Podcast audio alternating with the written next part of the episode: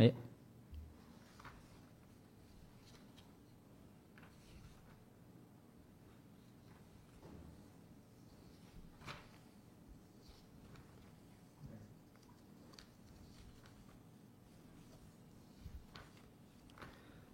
الحمد لله وكفى والصلاة والسلام على رسول المصطفى وعلى آله وصحبه ومن تبعهم بإحسان إلى يوم الدين أما بعد kaum muslimin dan muslimah rahimani wa rahimakumullah kembali kita lanjutkan ya, bahasan mengenai sifat azawjah as-salihah sifat istri yang salihah ya, karya Syekh Amr ibn Abdul Mun'im Salim hafizallahu taala wa wafaqahu.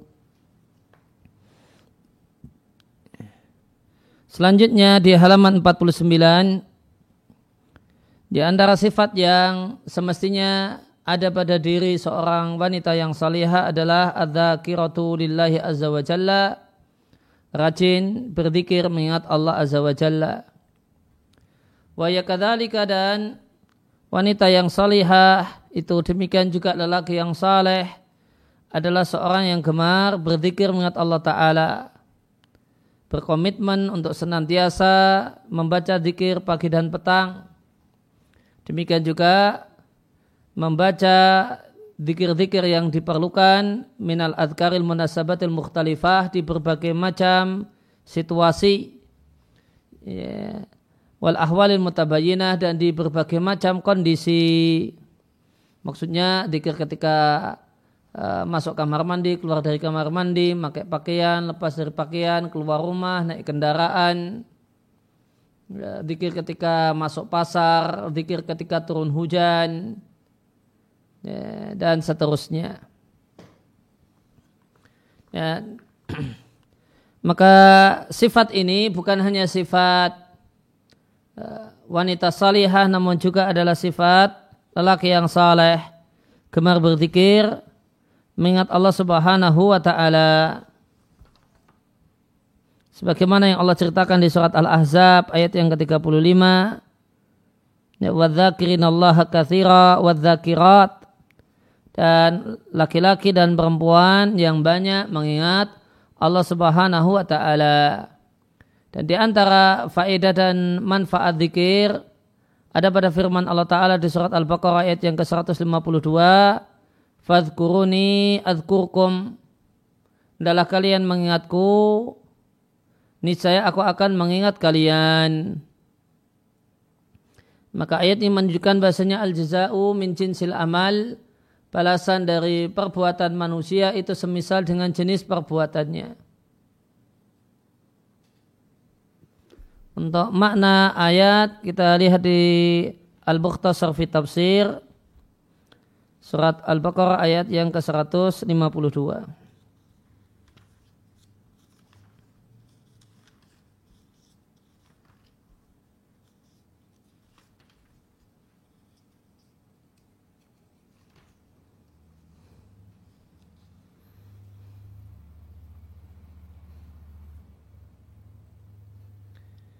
Di Al-Mukhtasar fit, uh, disampaikan maknanya, ingatlah kalian kepadaku dengan hati dan anggota badan.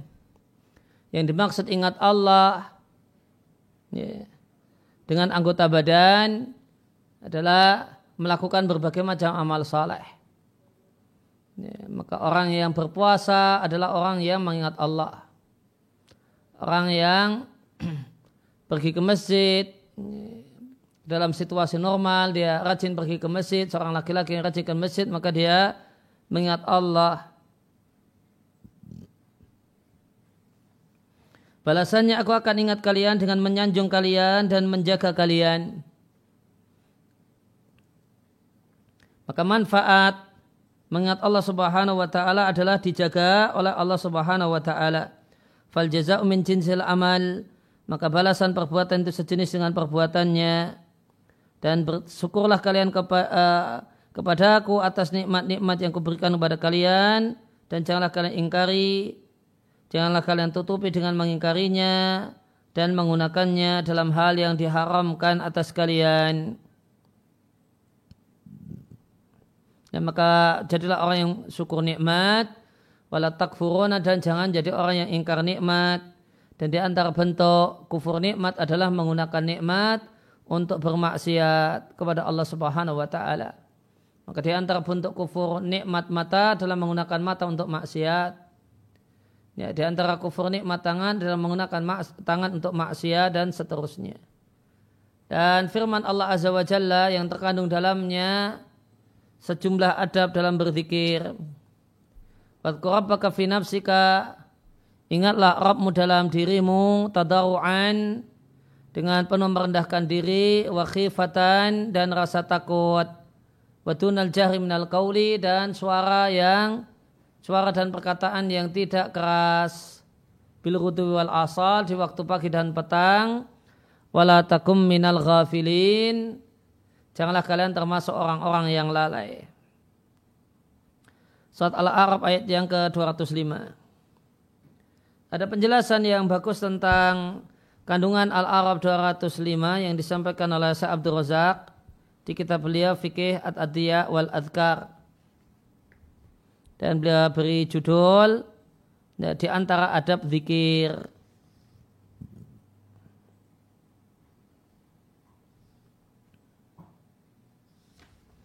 Maka saya ingin bacakan uh, penjelasan, kandungan penjelasan yang disampaikan oleh Syekh Abdul Razak di Fikih Al-Adiyah wal Adhkar tentang ayat ini.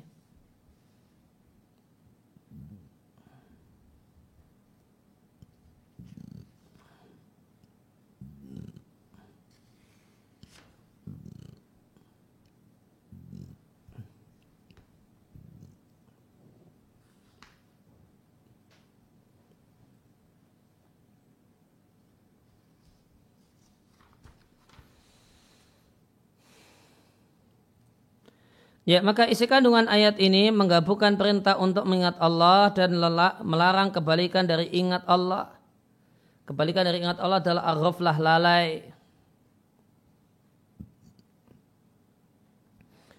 Ya, di samping itu, ayat ini memuat sejumlah adab yang sepatutnya menjadi perhiasan ya, orang yang berzikir mengingat Allah. Maka di antara adab ada lima adab, eh,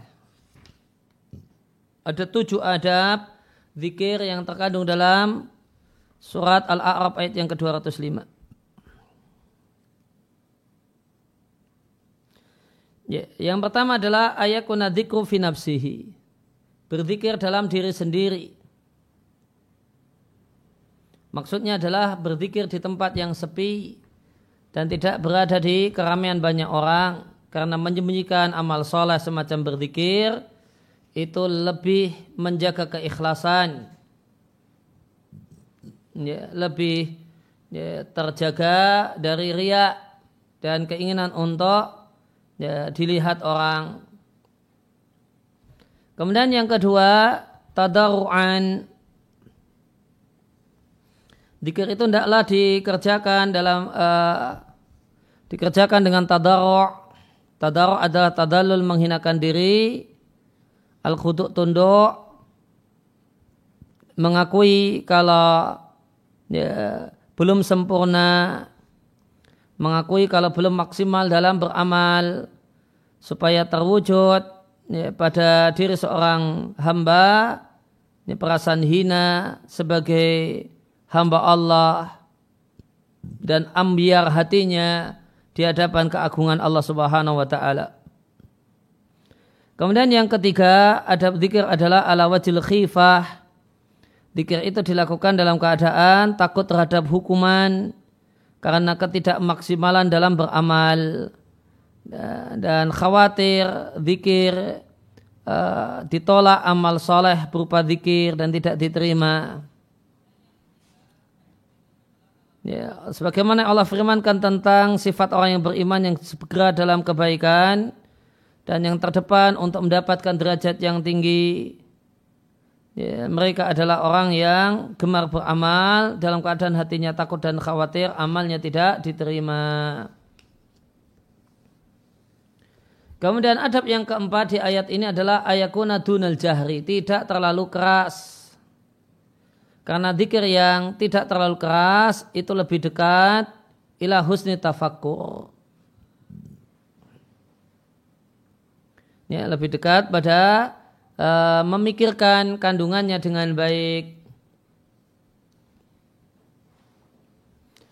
Sebagaimana kata Ibnu Katsir Asy-Syafi'i rahimahullah taala, wali qal oleh karena Allah katakan wa dunal jahri minal qauli dan perkataan yang tidak keras wahakata dan demikian dianjurkan berzikir.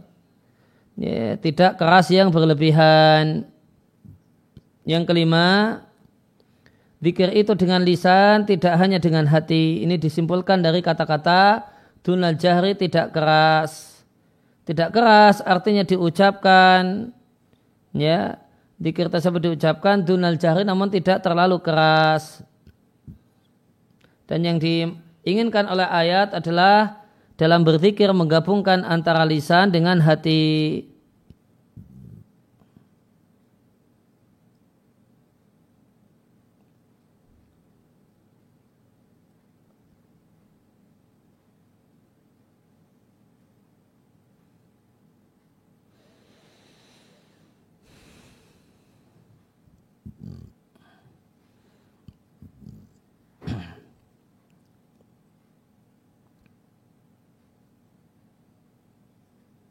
Kemudian kandungan yang keenam, ayakuna bil wal asal. Dikir ini dilakukan di waktu pagi dan sore. Maka ayat ini menunjukkan istimewanya dikir di dua waktu ini karena dia adalah waktu tenang, sepi, waktu ya, e, beribadah dengan penuh kesungguhan. Sedangkan waktu tengah-tengah di antara keduanya, di antara pagi dan sore dan petang, umumnya orang itu habis untuk urusan ya, pekerjaan dan cari penghasilan. Dan terdapat dalam hadis bahasanya amal itu dilaporkan di pagi hari dan di akhir ya, dan di akhir siang. Maka diperintahkan berzikir di dua waktu ini supaya awal waktu ya, waktu awal amal itu dibuka dengan zikir dan ditutup dengan zikir.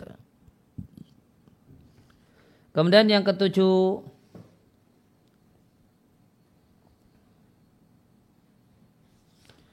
An-nahyu anil ghafla, larangan untuk lalai, wala takum minal ghafilin, jangan termasuk orang-orang yang lalai.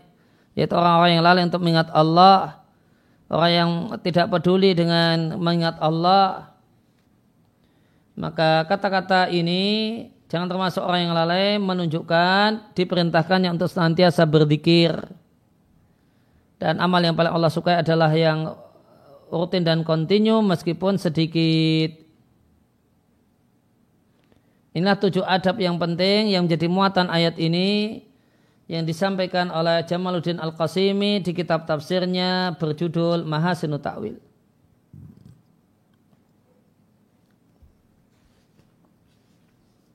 Kemudian yang dimaksud dengan janganlah termasuk orang-orang yang lalai, lalai dari berzikir mengat Allah Subhanahu wa taala. Maka untuk makna wala takum minal ghafilin, janganlah termasuk orang-orang yang lalai yaitu orang-orang yang lupa untuk mengingat Allah sehingga Allah buat mereka lupa dengan dirinya sendiri. Maka mereka orang-orang yang lalai dari mengingat Allah mereka tidak mendapatkan kebaikan dunia dan akhirat dan mereka berpaling dari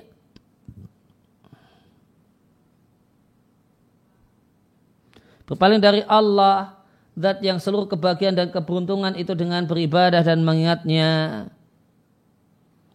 dan mereka malah perhatian dengan ya, dengan kelalaian dan kesibukan dunia yang seluruh kesengsaraan dan kerugian adalah sibuk dengannya. Maka ayat ini memerintahkan untuk berzikir dan rutin berzikir, mengingat bahaya lalai berzikir, watahdir dan ya, mengingatkan bahaya sabilil ghafilin, jalan orang-orang yang lalai.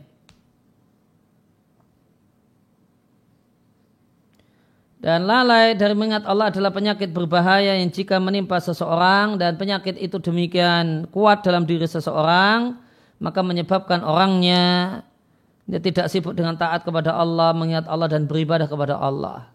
Nah, di tempat kita orang yang lalai ini disebut dengan orang yang jauh dari agama. Ya, disebut itu bahasa ya, bahasa Al-Qur'annya namanya orang yang lalai, orang yang jauh dari agama. Sehingga orang yang lalai ini sibuk dengan hal-hal yang melalaikan yang menjauhkan dari mengingat Allah Subhanahu wa taala. Dan seandainya orang yang lalai ini melakukan amal ketaatan dan ibadah, maka ibadah tersebut dia laksanakan dengan ya, dalam keadaan yang jelek dan kondisi yang tidak baik maka ibadahnya orang yang lalai itu tanpa khusyuk, tanpa ketundukan, tanpa ketenangan, tanpa ketulusan dan tanpa keikhlasan. Dan permisalan orang yang lalai untuk mengingat Allah seperti mayit. Karena mengingat Allah adalah hidupnya hati yang hakiki. Tidak ada kehidupan bagi hati tanpa mengingat Allah. Dan kebutuhan hati terhadap dikir itu lebih lebih besar daripada kebutuhan ikan terhadap air. Maka hati yang berzikir mengingat Allah itulah hati yang hidup, sedangkan hati yang lalai dari mengingat Allah itulah hati yang mati.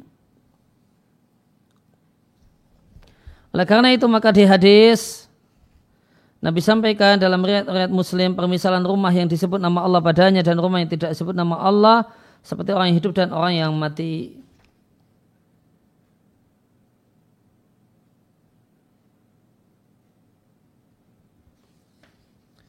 Dan tentang gambaran ini di komentar Al-Asyaukani rahimallahu ta'ala, maka ini adalah ya, fadilah yang luar biasa untuk orang yang lidzakir untuk orang yang berzikir mengingat Allah.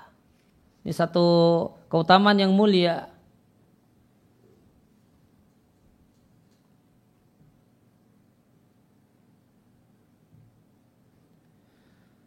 Ya karena uh, karena berzikir mengingat Allah Subhanahu wa taala yang dilakukan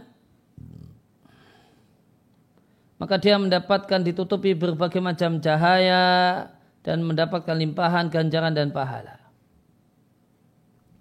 Sebagaimana orang yang tidak berpikir mengingat Allah meskipun secara zat dia hidup, namun itu tidak teranggap, namun dia serupa dan mirip dengan orang yang mati.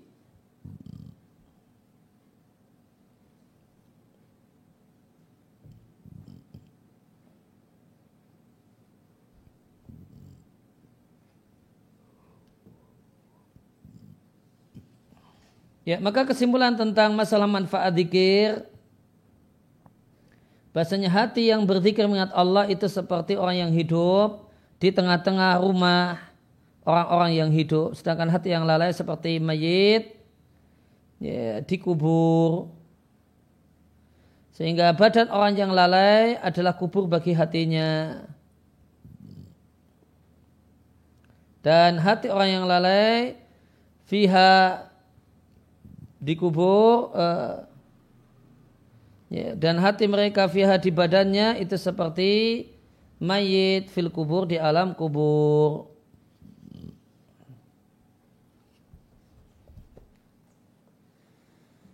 Ya. Maka tadi kita baca, kemudian kita kembali ke buku. Maka kita baca hadis, kembali kita baca hadis yang tadi telah kita bacakan. Itu sabda Nabi Shallallahu Alaihi Wasallam, "Mathalul fihi."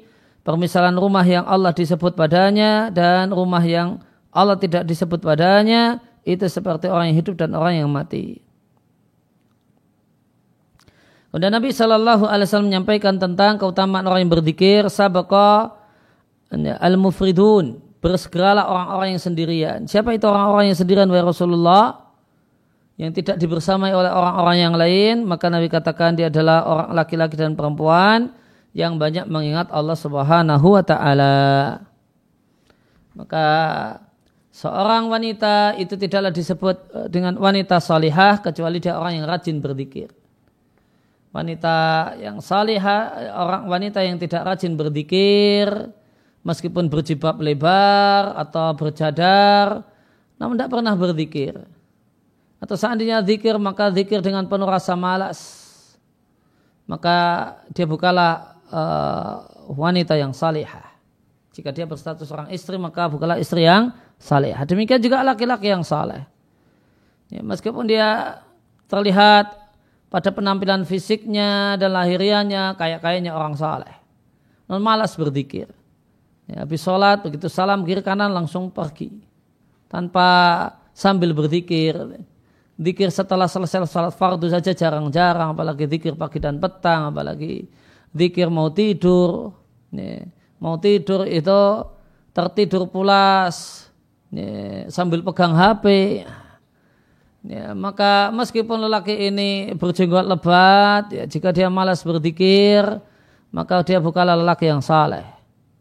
Ya, dan di antara ciri orang munafik, di antara perbuatan atau nifak amali adalah malas beribadah kepada Allah Subhanahu wa taala. Wa idza qamu ila salati qamu kusala. Jika mereka berdiri untuk sholat maka berdiri dengan malas. Jika untuk sholat itu malas apalagi ibadah-ibadah yang lain. Walayidkurunallaha ila qalila. Dan orang yang munafik itu hanya sedikit mengingat Allah. Jarang-jarang mengingat Allah. Yang lebih dominan mengingat dunia, mengingat uh, grup WA-nya, mengingat HP-nya. Nah inilah yang lebih dominan pada dirinya.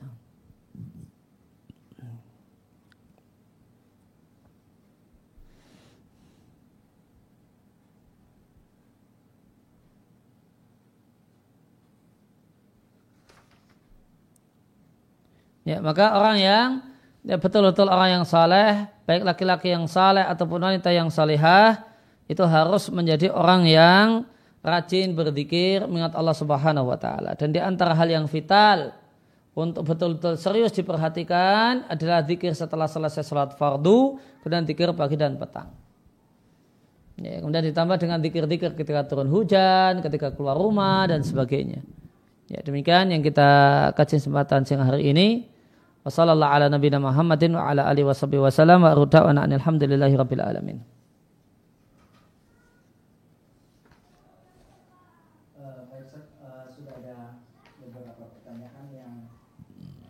telah masuk yang insya Allah kami akan bacakan. Yang pertama Ustaz. Assalamualaikum warahmatullahi wabarakatuh.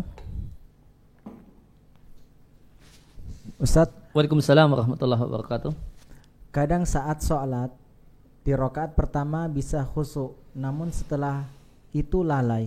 Kemudian kita coba khusyuk lagi, namun nanti lalai lagi. Bagaimana kiat supaya bisa selalu khusyuk? Yang disampaikan di, uh, oleh penanya, kondisi si penanya adalah kondisi orang yang berjihad di jalan Allah Subhanahu Wa Taala. Yeah ya, berusaha khusuk, datang kelalaian, kemudian dia usir kelalaian, kembali khusuk dan seterusnya. Maka dia orang yang sholat dan orang yang berjihad. Untuknya pahala sholat dan pahala jihad. Semoga Allah Subhanahu Wa Taala memberikan kemudahan untuk penanya dan untuk kita semua untuk bisa mengerjakan sholat dan ibadah dengan penuh kekhusyuan. Ya, maka kiatnya adalah ya terus berlatih, terus berlatih, berupaya untuk memahami apa yang dibaca dan menghayati apa yang dilakukan. Kemudian ketika hendak sholat, tanamkan dalam diri kita boleh jadi ini sholat terakhir yang bisa saya lakukan. Nah. Baik Ustaz, uh, kemudian pertanyaan berikutnya Ustaz. Assalamualaikum warahmatullahi wabarakatuh. Waalaikumsalam warahmatullahi wabarakatuh. Bolehkah seorang istri berzikir di tengah kesibukan seperti sambil memasak, menyapu dan lain-lain? Boleh, ya. Uh, misalnya dikir setelah selesai salat, salat subuh, itu boleh dibaca, tidak harus dibaca sambil duduk, bisa dibaca sambil uh, nyapu rumah, sambil cuci piring dan seterusnya. Nah.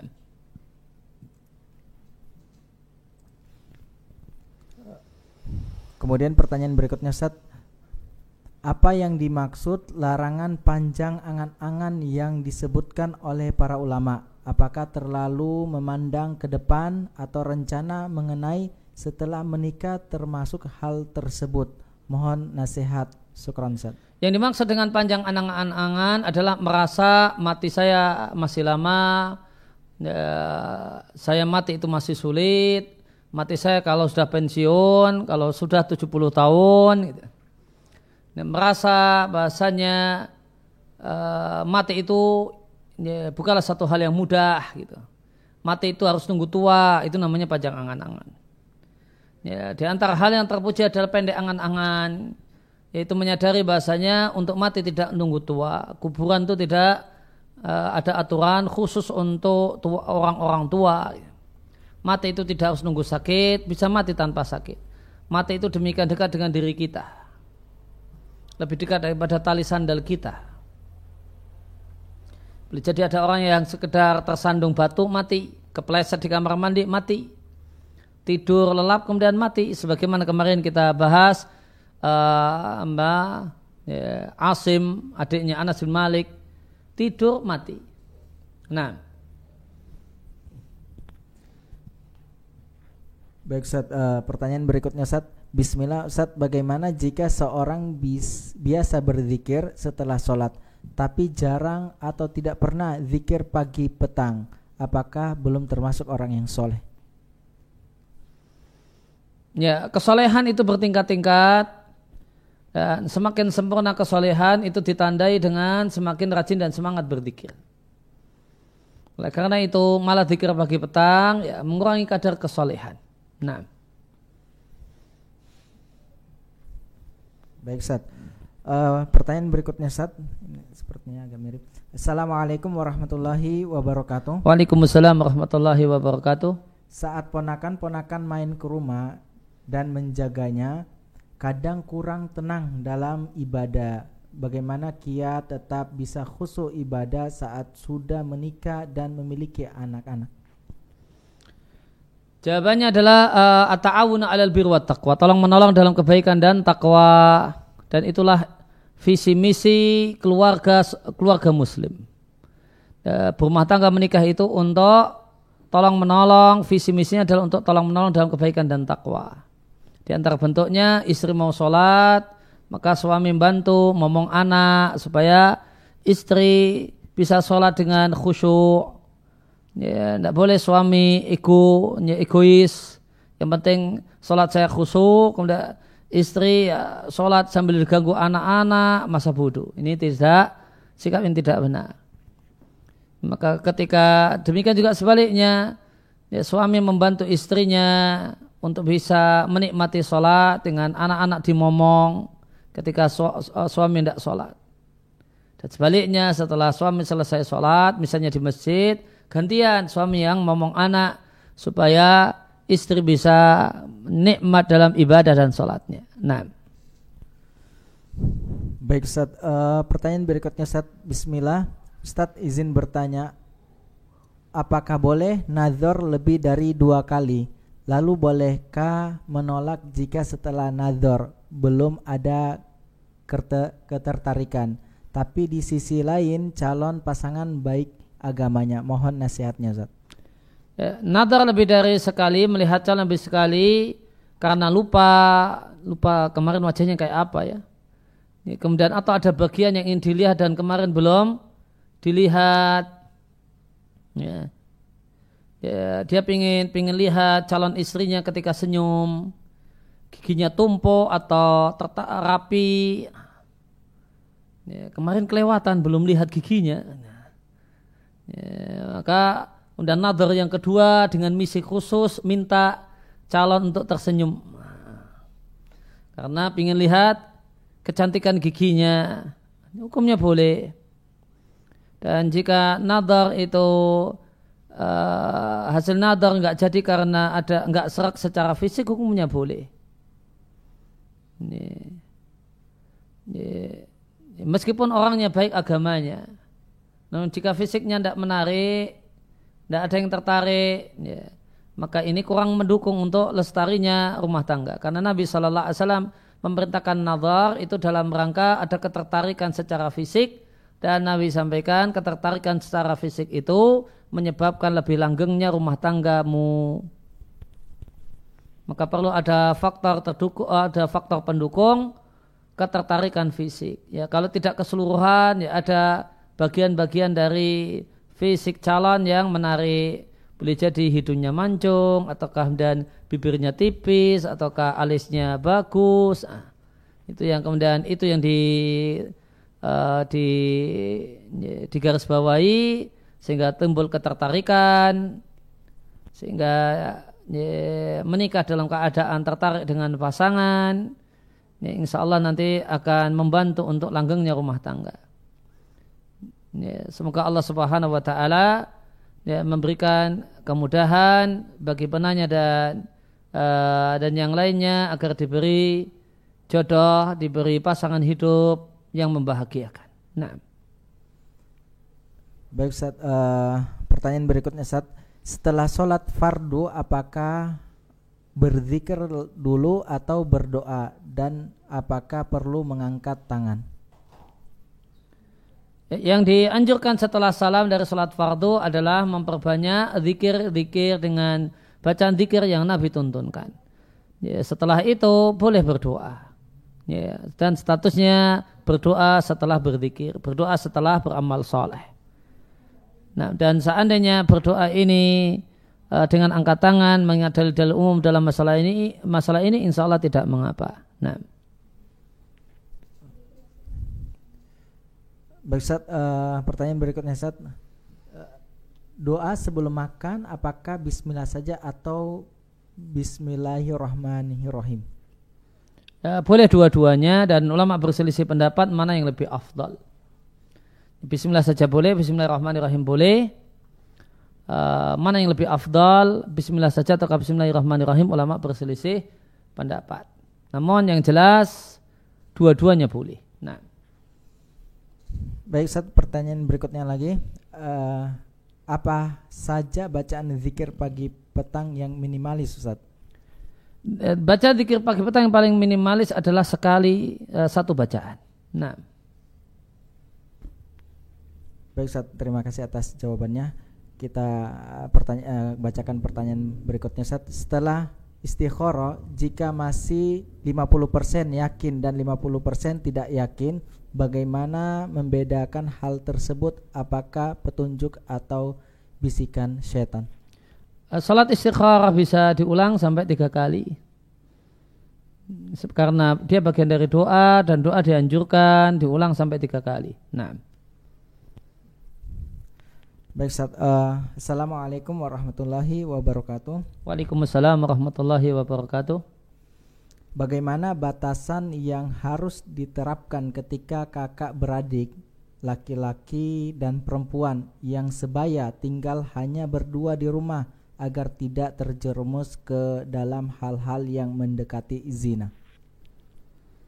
Ya, maka ketika terutama ketika di, perempuannya di kamar masuk kamar maka dikunci.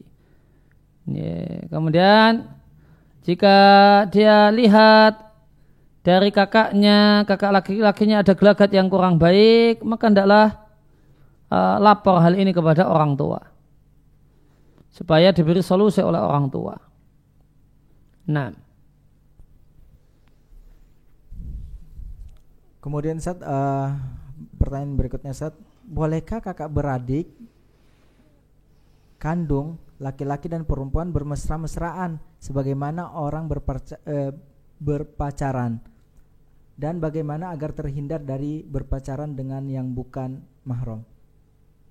Tidak ya, boleh bermesraan seperti orang pacaran, haram hukumnya itu syahwat dan memandang mahram itu boleh tanpa syahwat, menyentuh mahram itu boleh e, tanpa syahwat. Jika dengan syahwat nyentuh tembok saja haram.